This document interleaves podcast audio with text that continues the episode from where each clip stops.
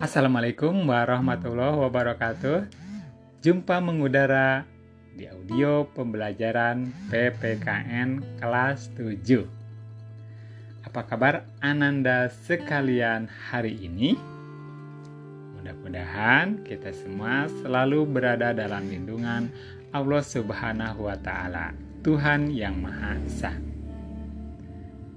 Ananda sekalian, Materi yang akan kita pelajari pada kesempatan ini adalah tentang penetapan Pancasila sebagai dasar negara. Nah, mari kita berdoa terlebih dahulu ya bersama-sama dengan mengucap basmalah bersama-sama. Bismillahirrohmanirrohim. Ananda sekalian masih ingat kan tentang BPUPKI Ya, PPUPKI, ya, Badan Penyelidik Usaha-usaha Persiapan Kemerdekaan Indonesia, ya, ada dua agenda besar ya yang dilakukan oleh PPUPKI yang dikenal dengan sidang pertama dan sidang kedua. Masih ingat kan? Sidang pertama itu membahas tentang perumusan dasar negara. Ya, kemudian yang kedua adalah membahas tentang Undang-Undang Dasar atau Konstitusi. Nah, yang akan kita pelajari hari ini adalah tentang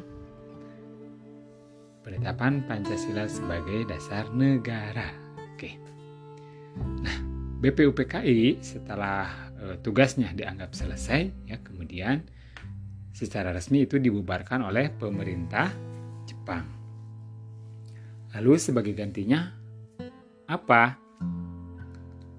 Sebagai gantinya, yaitu pada tanggal 7 Agustus 1945, Jepang mengumumkan pembentukan Panitia Persiapan Kemerdekaan Indonesia atau PPKI yang dalam bahasa Jepangnya disebut dengan Dokuritsu Zumbi Inkai. Nah, untuk keperluan tersebut, maka pada tanggal 8 Agustus tahun 1945 ada tiga tokoh bangsa Indonesia yaitu Insinyur Soekarno, Muhammad Hatta, dan KRT Rajiman Widyo Diningrat berangkat ke Saigon untuk menemui Jenderal Terausi.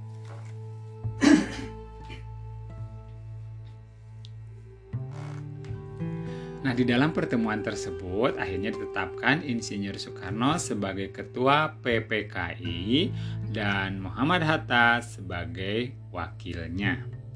PPKI ini awalnya itu berjumlah 21 orang, termasuk ketua dan wakil ketua yang kemudian ditambah 6 orang sehingga secara keseluruhannya berjumlah 27 orang ya.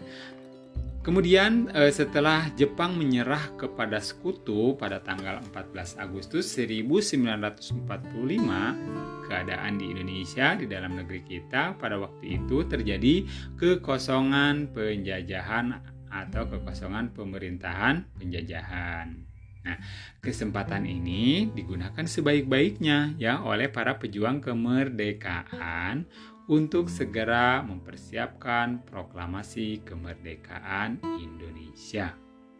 Namun, di tengah persiapan kemerdekaan itu terjadi perbedaan pandangan ya tentang pelaksanaan kemerdekaan Indonesia antara golongan tua dengan golongan muda. Sehingga terjadilah peristiwa yang dikenal dengan peristiwa Rengas Dengklok Ayo, ada yang tahu di manakah Rengas Dengklok tersebut? Benar sekali, ya. Rengas Dengklok itu terdapat di daerah Karawang di Jawa Barat, ya. Apa sih yang menyebabkan terjadinya peristiwa Rengas Dengklok?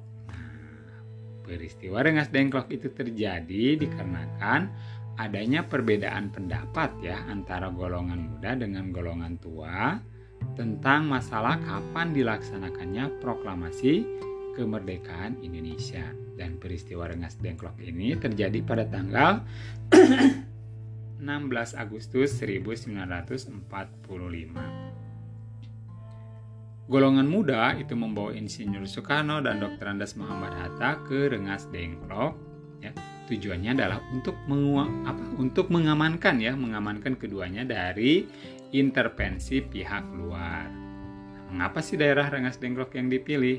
Nah, karena eh, Rengas Dengklok ini dianggap sebagai tempat yang aman, jauh dari jalan raya, ya, jalan raya antara Jakarta dan Cirebon. Ya, sehingga mereka juga eh, dapat dengan mudah ya dapat dengan mudah itu mengawasi tentara Jepang yang hendak datang ke Rengas Dengklok baik itu dari arah Bandung maupun dari arah Jakarta ya. Seperti itu. Soekarno Hatta itu berada di Rengas Dengklok selama satu hari penuh ya. Usaha dan rencana para pemuda untuk menekan kedua pemimpin bangsa tersebut agar cepat-cepat memproklamasikan kemerdekaan Indonesia tanpa campur tangan dari tentara Jepang itu tidak dapat dilaksanakan. Mengapa ya? Nah, itu dikarenakan kedua pemimpin tersebut mempunyai wibawa yang sangat besar ya, sehingga para pemuda itu merasa segan untuk mendekatinya, apalagi melakukan penekanan ya. Namun e, melalui pembicaraan antara Sudanco Singgi dengan Soekarno yang menyatakan bahwa Soekarno bersedia memproklamasikan kemerdekaan Indonesia setelah kembali ke Jakarta. Kemudian berdasarkan pernyataan Soekarno itu pada tengah hari, ya, Sudanco Singgi kembali ke Jakarta ya untuk menyampaikan berita proklamasi kemerdekaan yang akan disampaikan oleh Insinyur Soekarno dan kawan-kawannya. Ya. Sementara itu di Jakarta terjadi perundingan antara Subarjo yang mewakili golongan tua dengan Wikana yang mewakili golongan muda. Dari pertemuan tersebut akhirnya dicapai kata sepakat bahwa proklamasi kemerdekaan Indonesia harus dilaksanakan di Jakarta. Ya. Kemudian Laksamana Tadasi Meida mengizinkan rumah kediamannya dijadikan sebagai tempat perundingan. Bahkan ia menjamin ya bahwasanya keselamatan para pemimpin bangsa Indonesia itu dia bersedia untuk menjaminnya. Berdasarkan kesepakatan ya antara golongan muda dengan Laksamana Tadasi Maeda, Yusuf Kunto bersedia mengantarkan Ahmad Subarjo dan sekretaris pribadinya pergi menjemput Insinyur Soekarno dan Dr. Andes Muhammad Hatta ke Rengas Dengklok. Kemudian sebelum berangkat ke Rengas Dengklok, Ahmad Subarjo memberikan jaminan dengan taruhan nyawanya bahwa proklamasi kemerdekaan Indonesia akan dilaksanakan pada tanggal 17 Agustus 1945 selambat-lambatnya pukul 12. Nah dengan jaminan itu, Komandan Kompi Peta Sudanco Subeno bersedia melepas Insinyur Soekarno dan Dr. Andes Muhammad Hatta beserta rombongan untuk kembali ke Jakarta. Rombongan tiba di Jakarta pada pukul 17.30 waktu Indonesia Barat. Tepat pada hari Jumat tanggal 17 Agustus 1945 pukul 10 pagi, Insinyur Soekarno didampingi Muhammad Hatta memproklamasikan kemerdekaan Indonesia ke seluruh dunia.